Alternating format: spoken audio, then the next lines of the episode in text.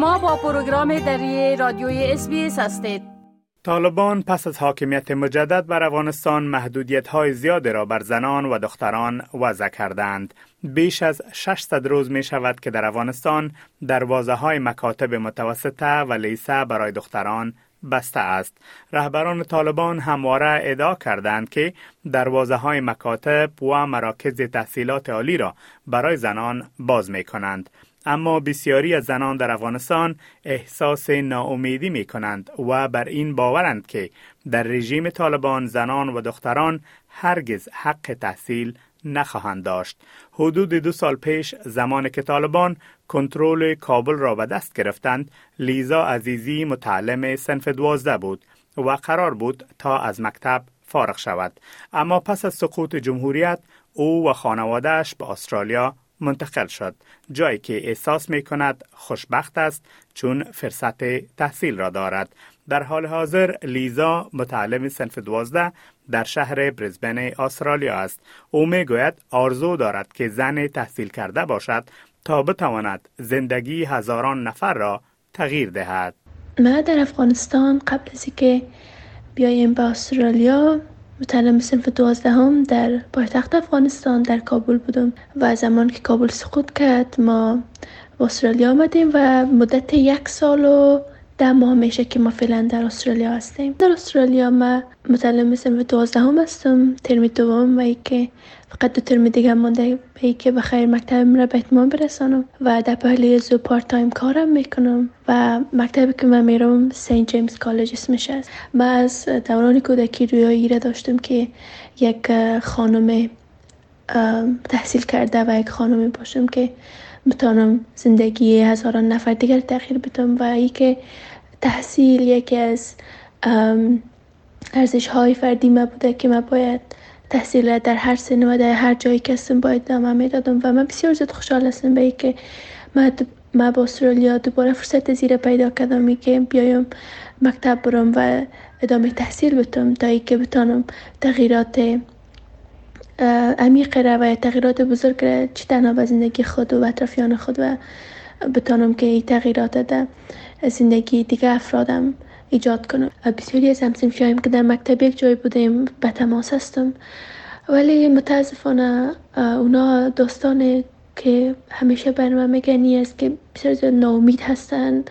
امیدشان به زندگی از استادن اهدافشان رو به نابودی است و تمام آرزوهایی که از کودکی تا به حال چیده بودن تمامش یکی به یکی از از اسم میدن و متاسفانه متاسفانه چیز دیگه ایرم که مشاهده کردیم در زندگی تمام شانی بوده که فامیل هایشان اونا را مجبور به ازدواج کردن و متاسفانه تقریبا سه تا از همسلفیم تا به حال به جبر فامیلشان تا به حال نامزد شدن و شاید هم امسال یا سال دیگه ازدواج کنن. ای که به او سن خورد به او سنی که حتی نتونستن سن دوازده تمام کنن و تمامشان یه هدف داشتن که ادامه تحصیل بتن و یک فرد موفق در جامعه باشن. اما فعلا تمام او اهداف و آرزوهایشان از بین رفته و فامیلشان اونا را مجبور به ازدواج می‌کنه که بسیار زیاد دردناک است.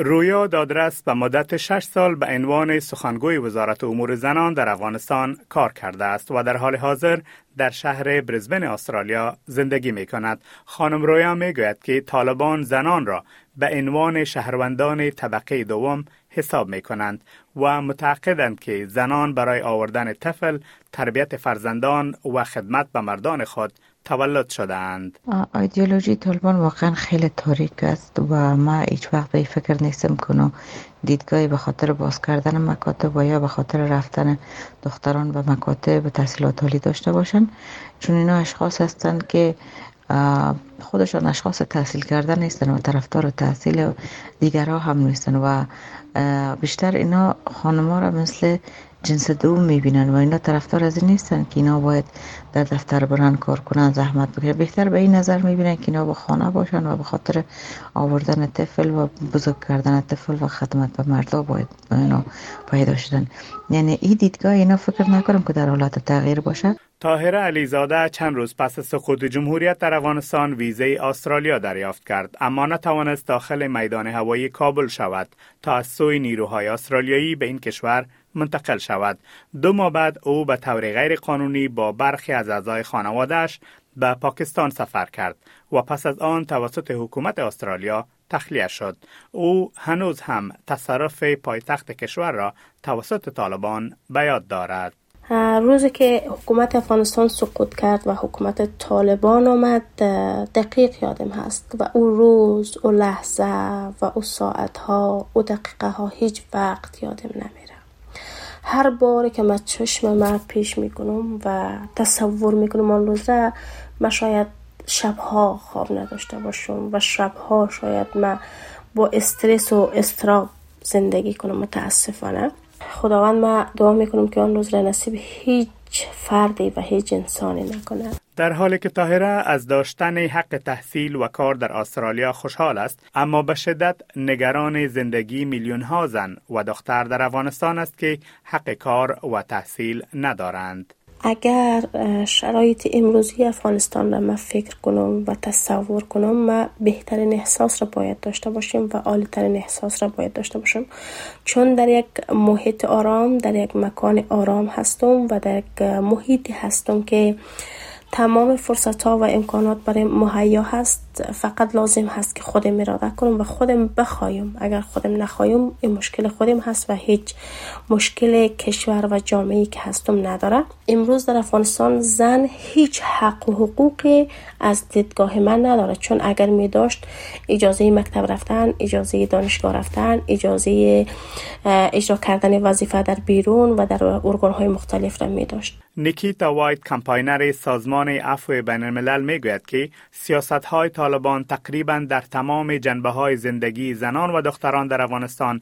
تبعیض آمیز است. او از حکومت استرالیا می خواهد تا درخواست های زنان و دختران افغانستان را بررسی کند تا آنها بتوانند در امنیت در استرالیا مستقر شوند. بپسندید، شریک سازید و نظر دهید. اسپیس دری را در فیسبوک تعقیب کنید.